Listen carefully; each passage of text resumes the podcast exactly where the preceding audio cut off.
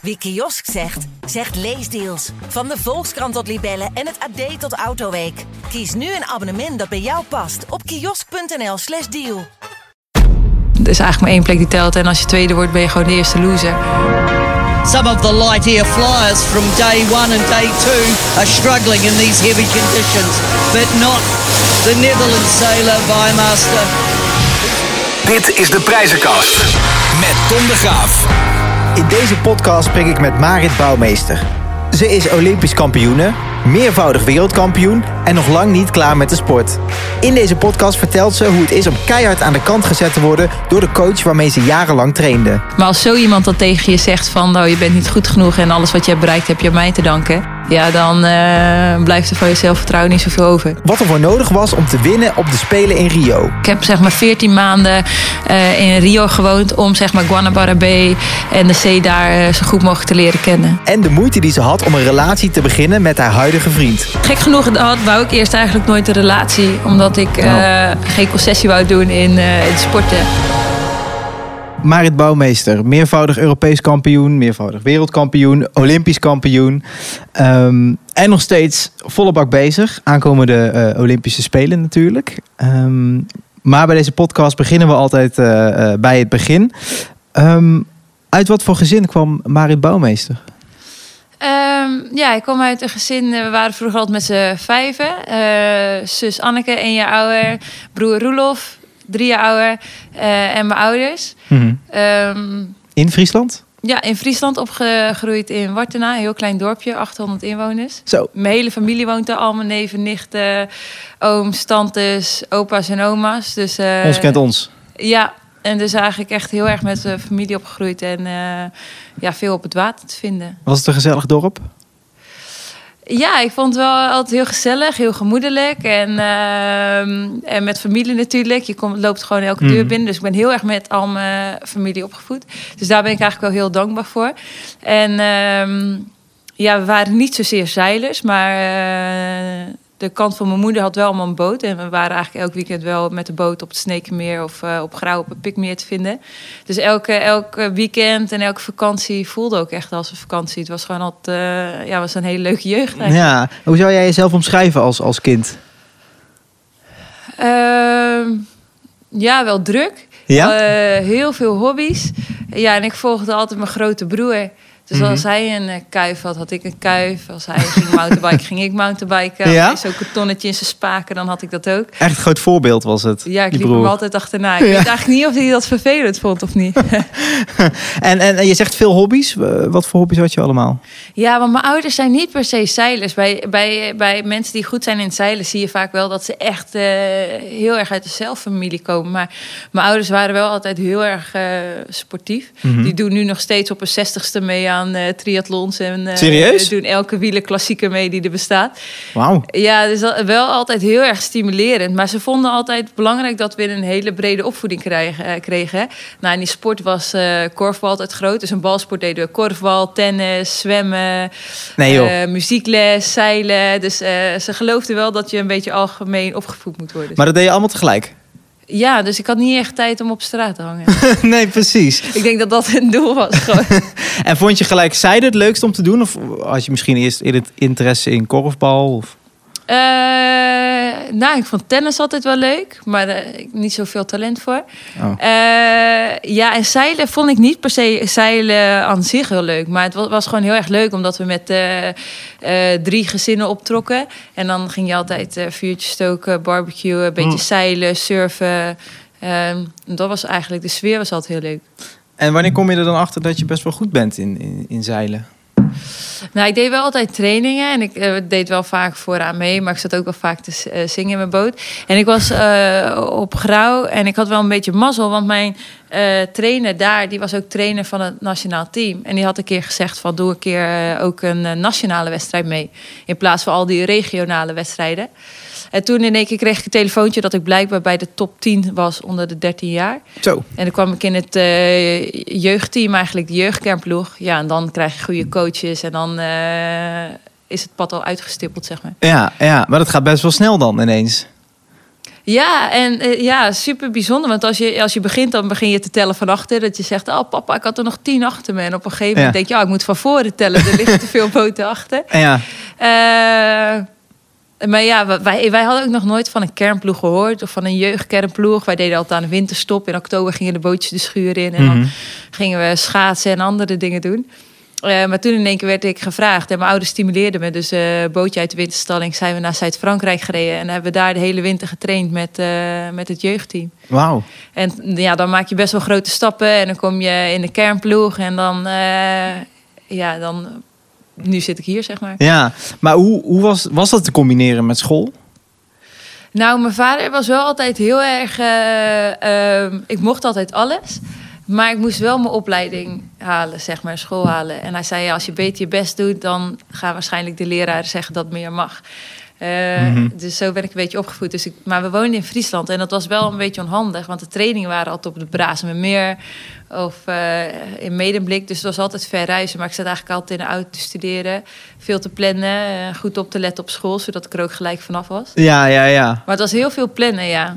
Je gedachten zaten, zaten eigenlijk nooit bij school, meer bij het zeilen, denk ik. Ja, En hebben we het dan over middelbare school of heb je ook nog een opleiding gedaan?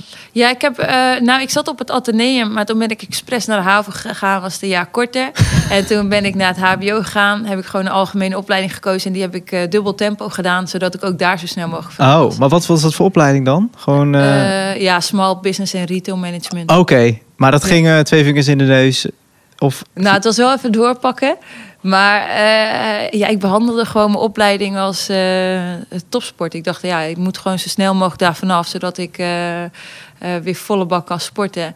Maar ik heb toen ook al getraind, dus het was gewoon echt letterlijk eten, studeren, slapen, trainen. ja. Even twee jaar door, doorbikkelen. Weet jij nog de eerste zeilwedstrijd die jij won? Als, als misschien als junior? Of... Oeh, eh, nou, ik werd eigenlijk altijd tweede. Oh jee, ja. dan zit je eigenlijk in de verkeerde podcast. Nou, in de jeugd. Maar ik denk eh, dat ik daarom misschien nu wel alles win. Omdat ik er zo altijd voor moest vechten. Dus mijn Ja? motto is ook altijd... ik geloof niet in talent, ik geloof in keihard werken. Maar dat is meer omdat ik in de jeugd niet altijd de allerbeste was. En mensen die als een veel groter talent werden beschouwd... eh, die doen het denk ik... eh, die vertrouwen te veel op hun talent en doen rustig aan. En ik heb echt voor moeten vechten. En elk klein detail trainen. En daarom denk ik dat nu door die mindset... dat ik nu wel eh, alles win. Was je dan eh, als, eh, als in je jeugd, toen je tweede werd, weet je dan, was je dan kwaad? Nou, de eerste keer, het is wel bijzonder, want de eerste keer als je tweede wordt, dan ben je eigenlijk super blij. Of Ja. dat je überhaupt het podium haalt. En la- later dan, dan wil je meer, zeg maar. Maar in het begin ben je wel blij. En, maar nu als ik tweede word, ja, dat, dat- daar doe ik het echt niet voor. Nee. nee, jij gaat niet voor minder.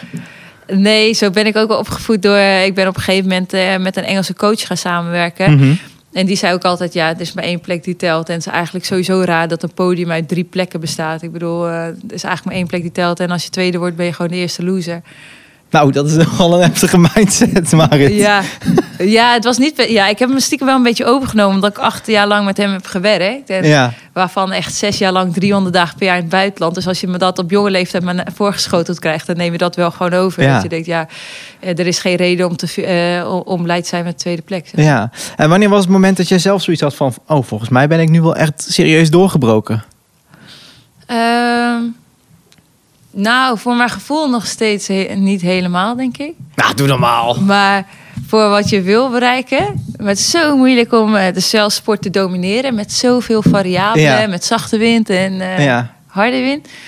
Ehm, maar wel de. ehm, ja, ik denk het eh, wereldkampioen in 2014. Nou, Mhm. Dat was na, eh, de eerste wereldkampioen nadat mijn coach me had ver- verlaten. Omdat ik dus tweede was geworden. En ik had gefaald op de Spelen van 2012. Toen heeft hij me aan de kant gezet. Is hij met mijn grootste concurrent gaan werken. Maar toen werd ik in 2014 wereldkampioen. Dat was voor mij wel een bevestiging dat ik dacht... oh, ik ben degene die misschien goed is. Ja, En toen de Olympische titel van 2016 eroverheen, die was ook wel bijzonder. je gaat er heel snel overheen. Maar deed dat pijn dat je zo aan de kant werd gezet? Ja, dat, was- dat was wel pijnlijk, ja. Hoe ging dat? Nou ja, ik, ik ben ooit naar hem met de vraag gegaan: hoe word ik eh, de allerbeste zelfste alle tijden? Zeg maar, hoe win ik goud? En toen op een gegeven moment zijn we één op één gaan werken. Dus ik heb van mijn 16e tot mijn 24e met hem gewerkt. Waarvan de, ja, de laatste zes jaar heel eh, intensief. Mhm. Echt heel veel in het buitenland, alles één op één. En ik kende hem ook beter als mijn eigen vader. En ik werd al best wel vroeg wereldkampioen. Eh, een van de jongste wereldkampioenen in een celsport dan, zeg maar. Want dan ben je relatief wat ouder. Mhm. Ehm, maar dus ja, ik vond zijn manieren van doen echt fantastisch. Hij, hij eh, ja, liet me wel een nacht wakker en dan moest ik de volgende dag presteren. Echt? Want eh, hij zei, je kan niet zo goed slapen waarschijnlijk de dag voor de Olympische finale race. Dus dat moet ook getraind worden. Eh, en hij vond Oh, mij een hele snelle zeiler, maar niet per se een tactisch slimme zeiler. Dus dan had hij ook wel eens een boot ingeladen die gewoon vier kilo te zwaar was. En dan moest ik een evenement daarmee varen. Zo. En dat soort dingen. Dus hij had best wel wat aparte manieren. Hij was niet echt van de sessiescultuur. Hij was echt een driller, als het ware. Ja, maar ik, ik geloofde daar wel in, want ik werd, eh, maakte zo snel progressie. Maar als zo iemand dan tegen je zegt van, oh, je bent niet goed genoeg en alles wat je hebt bereikt heb je aan mij te danken, ja, dan eh, blijft er van je zelfvertrouwen niet zoveel over. Nee, dus het was wel een klap. Ja, zeker. Ja, er was een, on- ja, er was een onwijze klap. Mijn relatie ging uit en mijn, eh, mijn sparringspartner, mijn beste maatje, die ging een andere boot zeilen. En mijn broer, die eh, trok ik in het circuit wel een beetje mee op, want eh, die was ook een topzeiler. Ja. Eh, maar die had hartproblemen. Die had twee hartoperaties moeten doen. Dus die stopte eigenlijk met zeilen. Dus in één keer was team Marit was, eh, behoorlijk klein. Ja. Ja. Dat was niet, eh 2013 was niet het beste jaar voor mij. Nee, en ehm, eh, ben jij nu nog, of, of ben jij boos op hem? Dat hij zo dat ineens zei en vertrok? Eh, nou, dat eerste jaar heb ik als een soort van jaloerse ex naar hem toegekeken. Oh, Van, wel, ik hoop dat je bij me terugkomt. En, Oh, eh, jee, zeg maar ja? Echt best wel sneu. Maar eh, als ik dat nu zie, dan denk ik van... ja, volgens mij je hebt twee keuzes. Of het slachtoffer zijn of de regie pakken. Maar ik denk dat ik best wel... Ik wou wel zeilen, maar door zijn woorden... Ik was gewoon zo onzeker. En dan beslissingen kwamen te laat. En dan was het weer foute beslissingen. Dus het was een beetje self-fulfilling prophecy. Ehm, en best wel hopen dat hij terug zou komen. En op een gegeven moment... eh, was in 2013 was het wereldkampioenschap in China. En de Chinees had mij verslagen op de Spelen het jaar ervoor. En het was haar thuiswater. En ik dacht, nou, als ik haar eh, wil verslaan... moet ik lang in China spenderen en veel op dat water trainen. Eh, maar op dat moment had ik een coach die heel erg geloofde in een grote afstand tussen atleet en sporter. En hij wou dan ook niet samen eten of dingen. Dus ik zat gewoon elke avond alleen, een maand lang in China. Oh, jee. Doodongelukken. Ja. En toen daarna heb ik wel de. En, en dat hele evenement heb ik ook verpest. Nog nooit zo'n slecht resultaat gehaald. ja. Eh, en toen heb ik zoiets gedacht van ja, dit kan gewoon zo niet langer. En eh, wat, wat, eh, wat mijn coach gaat doen met die Amerikaanse, ja, daar heb ik geen invloed op. En ik moet op mezelf focussen. En zelf een plan maken. En hoe komen we hier weer uit? En dat heb ik eigenlijk gedaan samen met mijn broer. En gek genoeg eh, heb ik op, van op dat moment ook gedacht... oh, ik wens jou gewoon het allerbeste. Ik bedoel, ik heb veel van je geleerd tot 2012. Eh, de manier hoe je hem aan de kant hebt gezet is niet zo chic. Nee. Maar ehm, ik wil je ook geen emoties aan je kwijtraken. Dus ik gun je het beste. En ik heb hem van zijn naam beroofd. Dus hij was eh, coach Amerika en eh, Amerikaanse meid. Ja. Om maar die emotie weg te halen. Oh. Maar ja, toen won ik goud. En toen kwam ik hem tegen. En toen was er ook echt nul emotie meer richting hem. Ik dacht, ja, ik gun jou het beste. Maar voor de rest heb ik niet zoveel meer met En wat zei hij tegen jou dan? Was hij, was hij toen wel weer aardig tegen je? Of? Nou, eh, gek genoeg nu steeds meer. Eh, maar na de, finale, of na de medailleceremonie in Rio kwam ik hem tegen. En eh, samen met die eh, Amerikaanse. Dus ik dacht, ja, zou je altijd zien, kom ik hun precies Ja. Maar eh, ze keken beide weg eigenlijk. En pas drie weken later kreeg ik een mailtje van... oh, gefeliciteerd en goed om te zien dat je potentie hebt waargemaakt. Oh, maar niet echt face-to-face was het niet echt heel hartelijk. Nee, het was ook wel vaak ongemakkelijk. Nu is hij nog steeds in het circuit en dan, dan zeg je elkaar wel gedag. Maar ja, die vertrouwensband is wel een beetje weg. Ja, hoe gaat het met die Amerikaanse die hij traint nu dan? Hoe doet Ja, zij het? Die is eh, tiende geworden op de Spelen. Ja. En toen heeft hij ook haar verlaten. En toen is hij eh, de Belgische werd wereldkampioen. Dus nu is hij voor de Belgen gaan werken. Dus het lijkt alsof hij elke keer met, eh, eh, met de beste wil werken, zeg maar. Maar het wil nog niet echt lukken voor hem als ik het zo hoor. Eh, Nee, onder zijn leiding. eh, maar hij is, een, hij is een goede, goede coach. Hij heeft me ook heel erg geholpen. Ja, maar ja. Op dit moment heb ik een ander type coach nodig. Ja, want nu is jouw broer coach. jouw Ja. coach, toch? Ja, klopt. Hoe is dat dan tot stand gekomen? Nou, na 2012 was ik heel erg zoekende. Veel verschillende coaches geprobeerd. En dat, dat lukte allemaal niet zo. Eh, want ja, je vergelijkt iedereen met Mark. Maar ja, je komt er dan achter, oh, iedereen is uniek. En wat heb je nou echt nodig? En eh, het was eigenlijk mijn broer die, die zag dat ik zo moeilijk aan het doen was. En hij zei toen van ja, ik ga je helpen. Eh, en toen is eh, Jaap Zielhuis, hij is nu, nu bondscoach van het Watersportverbond. En die heeft gezegd, oké, wij gaan je helpen een nieuwe, Mhm. een nieuwe coach te vinden. En in de tussentijd ben ik met hun gaan trainen, met mijn broer als sparringpartner.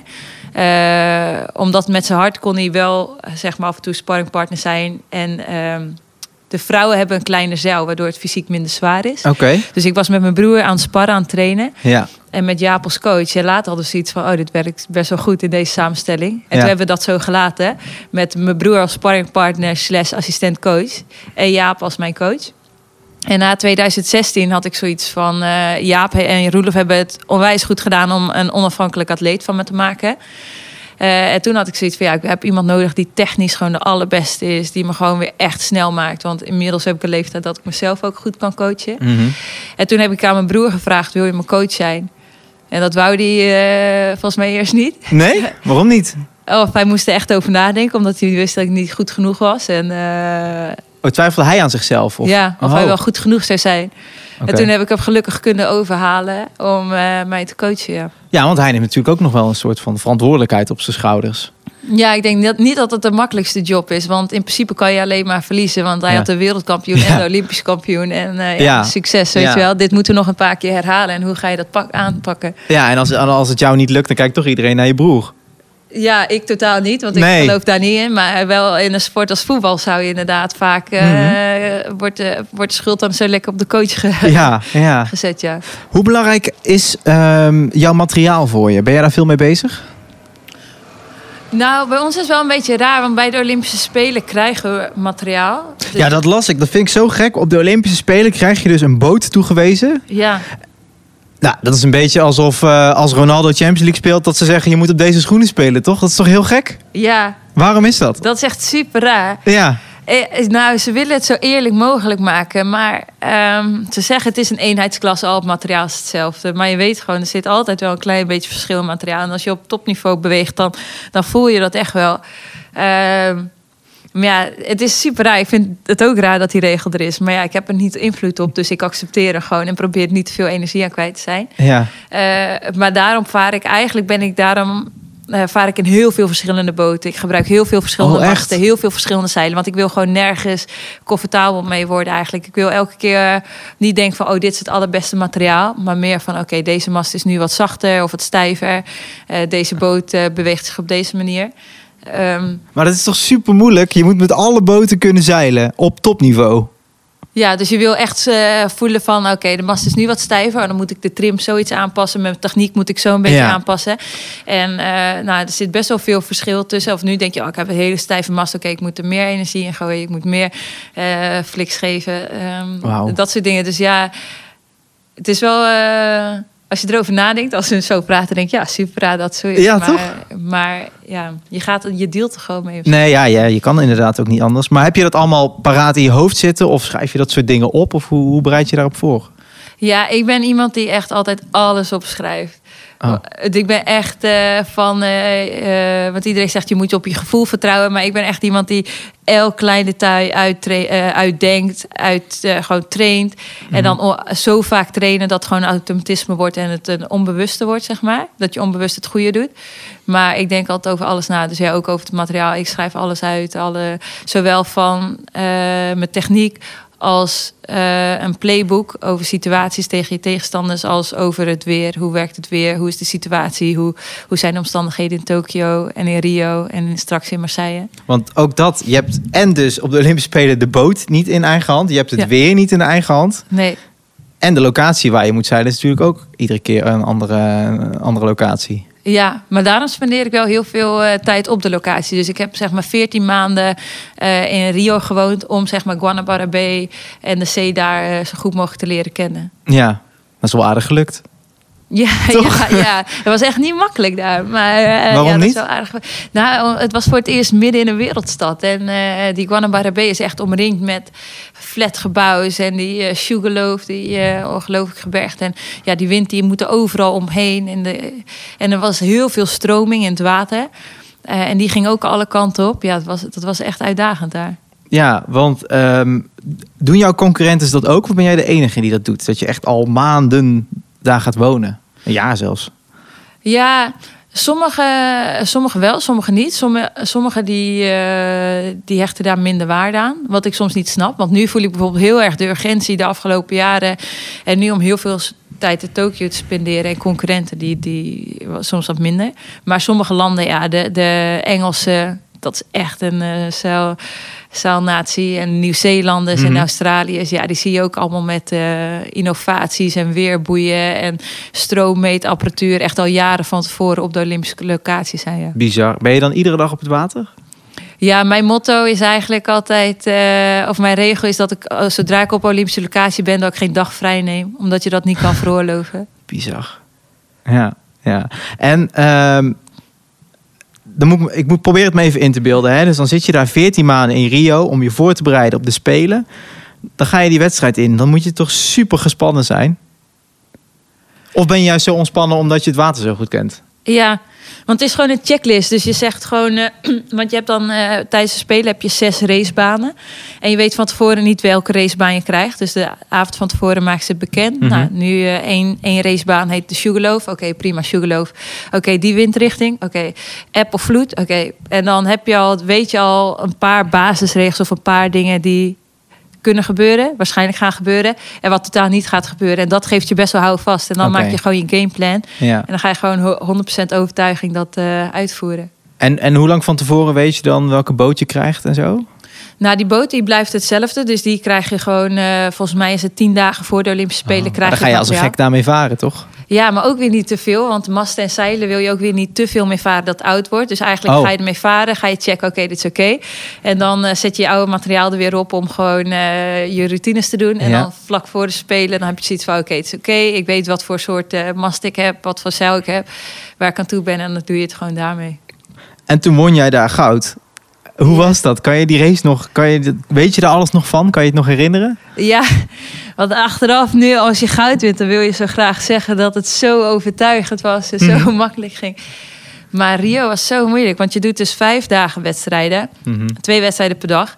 En dan eh, heb je een finale dag en dat is dan de top 10. En het gaat om dubbele punten eh, en die mag je niet eh, wegstrepen. Want je hebt normaal één slechte resultaat dat je mag wegstrepen, Ja. maar finale race niet. Dus ik stond acht punten voor op de Deense en tien op eh, de Ierse. En eh, ik kon dan niet meer vierde worden. Dus stiekem had ik daar een beetje houvast aan. Dat ik dacht, oh, ik ga sowieso met een medaille naar huis.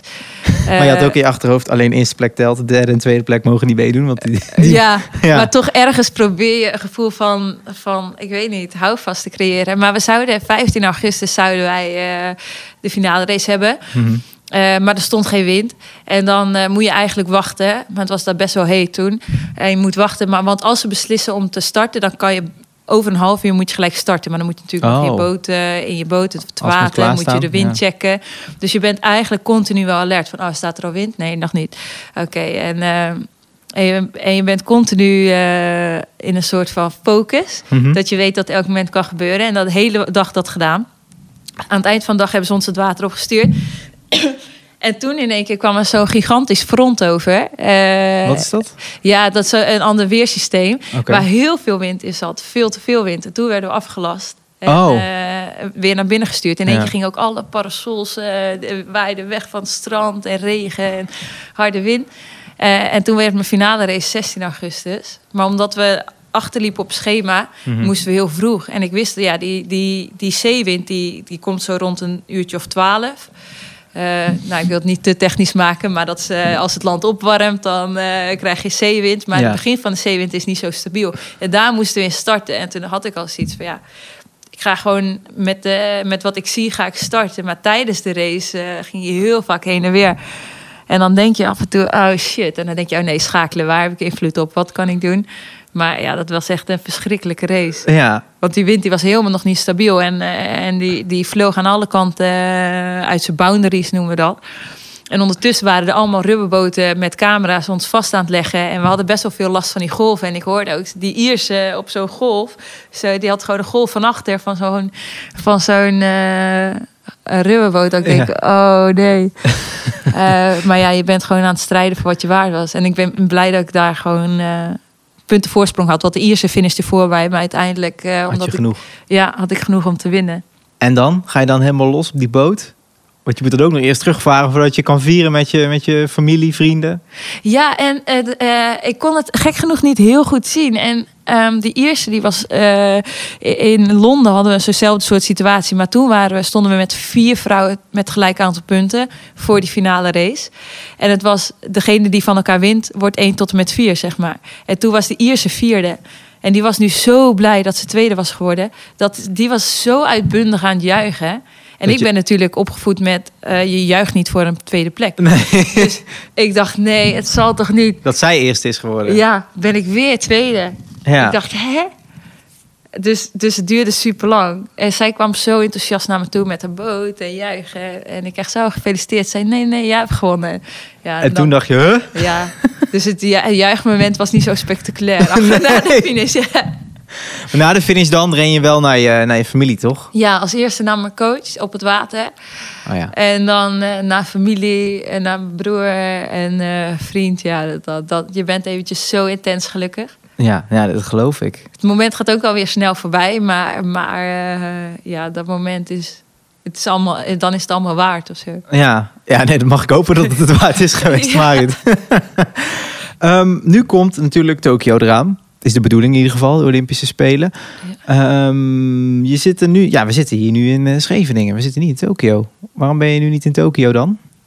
Ja, het, hele jaar 2020 heb ik eigenlijk stand-by gestaan om, eh, om gewoon, eh, als ik kan, naar Tokio. Maar waren elke keer niet welkom met de coronacrisis. Ja. Eh, dus ik was stiekem heel blij dat ik heel veel tijd al heb gespendeerd daar. Mhm. Ehm, Want jij moet gek worden nu. Dat je niet je, je, je boekje erbij kan pakken en allemaal dingen kan opschrijven over het water daar. Ja, aan de ene kant wel heel erg. Aan de andere kant denk ik, ja, de situatie is hetzelfde. En ben ik heel dankbaar dat ik wel heel veel aantekeningen heb gedaan. Dus ik ben nu wel eh, bewust Tokio blokken aan het reserveren. Om gewoon elke situatie weer eh, door te nemen, te visualiseren. Ehm, ook zoals eh hittekamer testen. eh, om gewoon maar gewend te raken aan die hitte, aan acclimatisatie. Om weer Oh, even het gevoel te hebben van... oh eh, ja, zo warm kan het hier gewoon zijn, zeg maar, Ja. straks. Ja. En hoeveel, hoeveel uur per week zit jij nu in een boot? Ehm, ja, afhankelijk eigenlijk. Maar normaal gesproken train ik zes dagen in de week. Ja. En dan, ehm, Heb je dan één rustdag? Of wat gebeurt er Ja. op die andere dag? van maandag tot en met zaterdag. En dan een zondag rustdag. En dat eh, drie weken achter elkaar. Ja. En dan eh, één weekje iets minder intensief en dan weer eh, hetzelfde. En dan doen we zowel elke dag trainen op het water als in de fysieke training. En hoe ziet die rustdag er dan uit? Is dat Netflixen? Of? Nou, gek genoeg moest ik dat een beetje leren. Want hard werken komt nogal natuurlijk. En rusten vind ik moeilijker. Dus als, het dan, als ik dan een rustdag had, dan probeer ik die helemaal vol te proppen... om zoveel mogelijk mensen en vrienden te zien. Ja. Ehm, en dat was blijkbaar niet echt het doel van een rustdag. nee, dat lijkt weinig rust, ja. ja, dus ik heb dat wel een beetje moeten leren... om dan eh, inderdaad of gewoon... eh, wel ergens even te lunchen of eh, gewoon te relaxen of Netflixen of een boek te lezen. Maar ja, dat, dat is wel iets wat ik nog eh, kan optimaliseren, denk ik. Dat is nog niet perfect, de rustdag. Trainen gaat prima, maar de rustdag is eh, een werkpuntje. Ja, en zeker, soms is het makkelijker om gewoon in het buitenland te zijn, want dan ben je gewoon weg en dan kan je gewoon goed rusten. Mhm. Maar als je in eh, Nederland bent, wil je ook graag familie en vrienden wel zien. Ja, nee, ja, dat geloof ik. Want je hebt ook een vriend, toch? Ja, En, klopt. en eh, is dat goed te combineren met topsport? Is hij ook sporter of hoe moet ik dat voor me zien? Nou, hij is niet eh topsporter, maar hij is wel heel sportief, dus dat werkt wel lekker mee. Dus onze, Dat is wel fijn. Dus onze dates bestonden in het begin ook uit eh, samen sporten op de vrijdagavond. Dus Nee, joh. op de vrijdag en zaterdag stonden wij gewoon met z'n tweeën in de sportschool... in plaats van eh, waar normale koppels denk ik in de kroeg staan. Dus de, dus de eerste date was op een crosstrainer. ja, zoiets ja. Tussen de, de- tussen de krachttrainingen en een beetje deadlifts lopen. Ja. ja. Ja, ehm, maar ja, het is eh, gek genoeg had, wou ik eerst eigenlijk nooit een relatie. Omdat ik eh, geen concessie wou doen in, eh in sporten. Jeetje, wat en, heftig. en hij zei eigenlijk wel van, nou, ik denk dat ik het wel aan kan. Dus toen hebben we het gedaan, maar nog steeds doe ik geen enkele concessie in mijn programma. Dus wat dat betreft ben ik er wel heel dankbaar dat hij mij ja, die kans allemaal gunt, zeg maar. Ja, maar jullie spenderen dan niet heel veel tijd samen als in dingen doen? Of er is geen ruimte voor, neem ik aan. Nee, weinig. Wel als we vakantiedagen gaan wel vaak eh, eh, eh, richting mij, zeg maar. Dus in, in Rio heeft hij echt heel vaak gezeten. Dan kwam hij gewoon drie weken langs en dan... Dat is super chill voor hem. dat was wel, ja, was voor hem wel relaxed. En voor mij was het ook wel gaaf. En dan is het ook, ook makkelijker om lang weg te blijven. Ehm, dus ja, je maakt er gewoon het beste van. Maar nu, eh, 2020, ja, die coronatijd, we hebben elkaar nog nooit zoveel gezien. Maar Eigenlijk een goede relatietest. ja, en we vinden elkaar nog steeds heel leuk. Dus, eh, Dat is fijn. Dat, ja, dus dat is een goede relatie. Ja. Dus, Maar eigenlijk heb je dus aan het begin gezegd van de relatie... luister, ik ga geen concessies doen, je moet het er maar mee doen. Dit is mijn schema, je past je maar aan. Ja, of meer eigenlijk. Ik doe niet aan relaties, want ik ga geen concessie doen in mijn sporten. En ik vind je wel heel leuk. En, eh, maar ja, toen heb ik er zelfs nog met mijn sportpsycholoog over gehad. En die zei, ja, ik weet niet of je liefde wel kan sturen. Want ik wil natuurlijk alles eh, Ja, controleren. ja. Maar eh, ja, dat ging ook niet zo. Maar hij, eh, ja, hij past zich eigenlijk wel heel erg Respect voor hem, dat hij dat doet voor jou. Toch? Ja, onwijs. Ja, en mijn oma, gek genoeg, die zegt altijd... ja, je moet echt, echt heel blij zijn met Diederik. En je moet heel lief tegen hem doen. Omdat zij ziet dat heel erg. Dat het zo... hoe heet het? Dat het voor hem best wel een opoffering is. Ja, als jij weg bent, zit hij altijd alleen thuis. Dus, eh, maar ja, dus ik krijg vaak een eh, reminder van mijn oma. ja, Ja, heel goed. ja. Ehm, ja, je, zit dus, je vertelt het al ontzettend veel op het water. Kom je ook wel eens in gevaarlijke situaties als je zoveel op het water zit? Ehm, nou, het, eh, ik denk het goede is als je zo van jongs af aan op het water bent opgegroeid, dat je heel erg de kracht weet van de natuur, van Mhm. de wind en de water. En eh, dat je weet dat niemand sterker is dan, da- eh, dan, dan de natuur, zeg maar. En dat je er vooral respect voor moet hebben. Dus ja, ik probeer mijn grenzen wel op te zoeken. Dus ik ben hier ook wel eens met eh 48 knopen naar buiten gegaan in Scheveningen. Dat je denkt, oh ja, dat was wel eigenlijk wel wat te veel, zeg maar. Ja. Ehm, maar je bent je heel bewust van je eigen krachten en ehm, eh, je maakt goede overwegingen. Ik denk dat het gevaarlijker is voor iemand die bijvoorbeeld, ik zie nu uit mijn ooghoeken kitesurfen, maar ik denk die, dat die eerder als je pas begint te kitesurfen en je denkt ik kan het wel en eh, de natuur onderschat en jezelf misschien overschat, dat het dan heel gevaarlijk wordt. Ehm, maar ik denk dat wij altijd wel heel bewust zijn van de risico's. ja. En de meeste druk maak ik eigenlijk met mij. Ik kan niet zoveel misgaan, want ik heb altijd drijvend vermogen eh, bij me.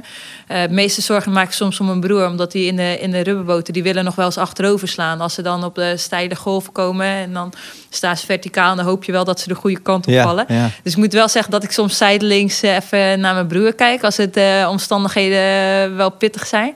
Maar voor de rest, nee, ik ben eigenlijk niet op bang op het water, nee. Ben jij een controlfreak? Ja, ik ben wel heel erg een controlfreak, maar ik kan ook wel goed dingen accepteren, want dat leer je ook wel. Je bedoelt de omstandigheden en ja, precies. Je hebt het weer niet in, in de hand en, en het materiaal. Nee, want zoals als, als zeilers zijn, dan ben je best wel flexibel, denk ik. Als er weer geen wind staat, kan je niet zeilen. Als er te veel wind staat, gaat het niet door. Mhm. Dus je, ik ben wel een controlfreak. Dat alles wat in mijn eigen macht ligt om te doen, dat zal ik echt doen. Maar de dingen waar ik geen invloed op heb, kan ik eh, relatief, denk ik, makkelijk wel accepteren. Hoe lang ehm, eh, ehm, heb jij al in je hoofd van ik ga nog zo lang door? Of ben je er helemaal niet mee bezig? Eh, nou, ik was er eigenlijk totaal helemaal niet mee bezig. Maar nu ben ik 32, eh, straks bij de Spelen van Tokio eh, 33. Ja, dan... ehm, ja, je merkt wel dat je nu als je ouder wordt al voorzichtiger moet zijn met je lichaam. Dat elke training wel heel gericht moet zijn om een beter zeiler te worden. Maar ja, ik heb Hmm. ook nog niet echt het gevoel dat ik moet stoppen. Nog Maar- niet het gevoel. Nee. Maar je krijgt natuurlijk, je wordt ouder, dus je krijgt andere keuzes. Van ja, wil je ooit een gezin of niet? Dus dat, Ja. dat is gewoon het hele moeilijke. En ik heb daar eigenlijk allemaal nog geen antwoord op. Maar dat vind ik wel het uitdagende van deze leeftijd. Dus soms zou ik wel willen dat ik gewoon iets jonger was. Dan kan je gewoon lekker doorgaan met sporten. Want je, ja, je wil ook wel stoppen op je hoogtepunt, neem ik aan. proberen. Ja, dat is natuurlijk super moeilijk inschatten. Ja, maar ik heb nog niet het idee dat dit, me, dat, eh, dit mijn hoogtepunt is. En je wil graag... eh, ik heb altijd heel veel bewondering voor iedereen die eh, ergens heel goed in is, zeg maar. En voor langere tijd heerst, eh, in wat dan ook. En Zoals? in, s- eh, nou, in sport is het een, een Federer, een Usain Bolt, een Sven Kramer, zeg maar. Voor zo lang echt een verschil maken. Maar ook in het bedrijfsleven echt succesvolle ondernemers die gewoon voor, voor langere tijd succesvol zijn. Ja, daar, daar heb ik super veel respect voor. En ik hoop eigenlijk ook ooit zelf zo te zijn. Maar als je die categorie... Ja, die zijn echt lang doorgegaan, dat soort mensen. Ja, Dus als, als, ik dat, als je die maatstaf aanhoudt, dan ga je nog wel even door. ja, Proberen nummer 1 te worden. ja. Nee, dat is een goed teken als je dat, als je dat ambieert. Ja, en je weet het natuurlijk nooit, want het is sport. Maar dat is wel heel erg mijn eh, ambitie. Dus ja, grote kans wel dat ik doorga. Ja. Ja, precies. Hey, ehm, tot slot, ehm, wat ik altijd doe in deze podcast. Iedere ochtend bij Mattie en Marieke speel ik het spel ja of nee. Het is vrij simpel. Ik geef Ja. gewoon drie stellingen. Jij moet ja of nee erop antwoorden. Ja. En ze zijn uiteraard gericht eh, op sporters. De eerste stelling is een vast ritueel voor de wedstrijd hebben. Nee. Nee? Nou, ritueel is, eh, is een beetje bijgelovigheid, dat bedoel je. Kan. Of dat je altijd bepaalde handelingen doet voordat je begint. Oh, dat wel. Ja, mijn hele leven is vol routines. Er is echt niks spontaans aan. Nee? Nee. Maar luister je wel eens muziek voor een wedstrijd? Of hoe, hoe bereid je je voor? De dag van de wedstrijd. Eh, ja, vaak wel met 's ochtends met eh, harde muziek en de stretchen en dingen. En dan op een gegeven moment als ik naar mijn boot ga, dan even wat minder, want dan heb ik mezelf al helemaal opgepompt met muziek. En dan boot optuigen, dat gaat altijd wel in dezelfde volgorde. Wat voor muziekstijl trouwens dan? ik hoopte dat je die vraag niet ging zeggen. nou, nu wil ik het weten. Nou, ik heb nogal een hele uitgebreide muzieksmaak. Dus als ik zeg maar eh, eh, wil relaxen, dan luister ik naar wat rustige muziek of top 40. Ja. Maar eh Ja, s ochtends vroeg, eh, ja, of eh, happy hardcore. Hardstyle. Of, eh, ja, of eh, ook wel eens apres-ski muziek als ik heel, Oh, leuk. heel nerveus ben. Want dat maakt je een beetje vrolijker en ontspannen. Oh, het is een soort feestcafé bij die boot. Als jij. Ja, ja, ja, soms wel, ja. Ja, want nou ja, nu heb ik het al gezegd natuurlijk. Maar ik zag dat er een vraag voorbij kwam van... oh, wat zou ze luisteren tijdens het spelen? En toen dacht ik, oh, dat wil je echt niet weten. Maar als ik heel zenuwachtig ben, dan doe ik dat wel eens. Omdat het gewoon altijd vrolijke nummers zijn. En dan moet je gewoon altijd wel om lachen of zo. Het ontspant ook wel. Maar er zit ook altijd wel een versnellende beat onder... waardoor je ook wel je hartslag weer omhoog gaat. En Ja. denkt van, eh, we hebben er zin in, zeg. Ja, nee, heel goed. Volgende stelling. Een prijzenkast in je huis hebben. Eh, nee, De- Waar ligt die gouden plak dan? Eh, bij mijn ouders. Oh. Liggen al je prijzen bij je ouders? Of Ja, waarom? Ik heb niks in huis. Ja, zij zijn heel trots op. En ehm, Ja, jij toch ook wel?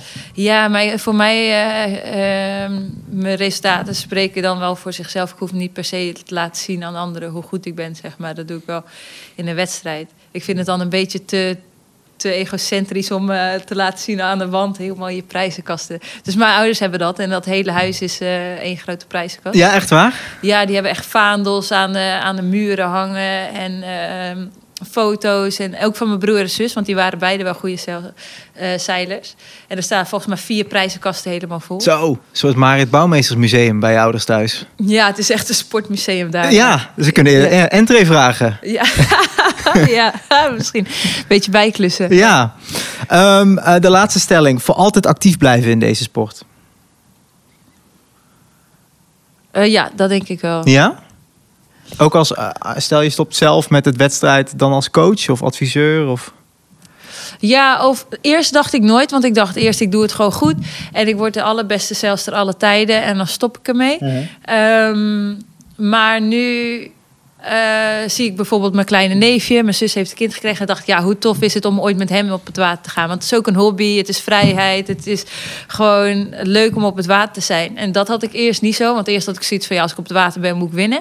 Eh, maar nu leer ik wel steeds meer gewoon ehm, een plezier eh, ervan. En in welke rol ik op het water blijf, dat weet ik niet. Maar ik denk wel dat ik voor altijd op het water zou blijven, ja. Wat voor eh, advies zou jij de nieuwe generatie eh, zeilers willen meegeven die wellicht nu luisteren? Nou, als ik kijk wat, wat ze bij het Watersportverbond willen, ze heel veel kopiëren van de dingen die ik doe. Maar ik denk dat alles vooral eh, begint met heel veel passie en plezier. En gewoon veel doen met vriendjes en vriendinnetjes. En ik denk dat dat het allerbelangrijkste is in wat je ook doet. Dat je er gewoon veel lol aan beleeft. En ehm, ja, mijn oude coach van 2012 eh, zei altijd work hard, play hard. Eh, en daar geloof ik wel echt heel erg in. Zeker als je jonger bent. En ehm, ja, als daar een keer een wijntje bij hoort, dan hoort daar een wijntje bij. Want eh, je bent ook nog steeds jong en je kan echt wel een keer stappen. Dus je wilt ook niet te streng voor jezelf doen. Maar Ja. vooral veel lol hebben en gewoon leren. En, en van elke situatie ja, eigenlijk leren. Ja, het is een lang antwoord voor op een tegeltje, maar we, we, schrijven hem op. ja, dat, dat is wel een beetje een lang antwoord, ja. Ja, als we deze woorden ooit moeten herhalen van Marit Bouwmeester, dan moeten we er een lang, lang spandoek van maken. Maar Ja, maar ik, heb, ik zeg altijd, ik geloof niet in talent, ik geloof in keihard werken. ja, Eh, maar daar geloof ik ook echt in. Maar, in, in mij, maar je moet ook heel veel plezier maken. Want anders hou je het niet vol om zo lang te werken. Hard te werken, voor zo lang. we schrijven hem zo op, Marit. Nog steeds een lang Ja, tegeltje. hij is, hij is nog steeds lang. Dankjewel voor je tijd en eh, ja, ontzettend veel succes in Tokio. Dankjewel. Dit was de prijzenkast. Dit was alweer de laatste aflevering van de Prijzenkast. Ik hoop ook komend jaar weer een heleboel sporters te kunnen spreken om een nieuw seizoen van de Prijzenkast te kunnen maken. Maar voor nu zou ik willen zeggen bedankt voor het luisteren.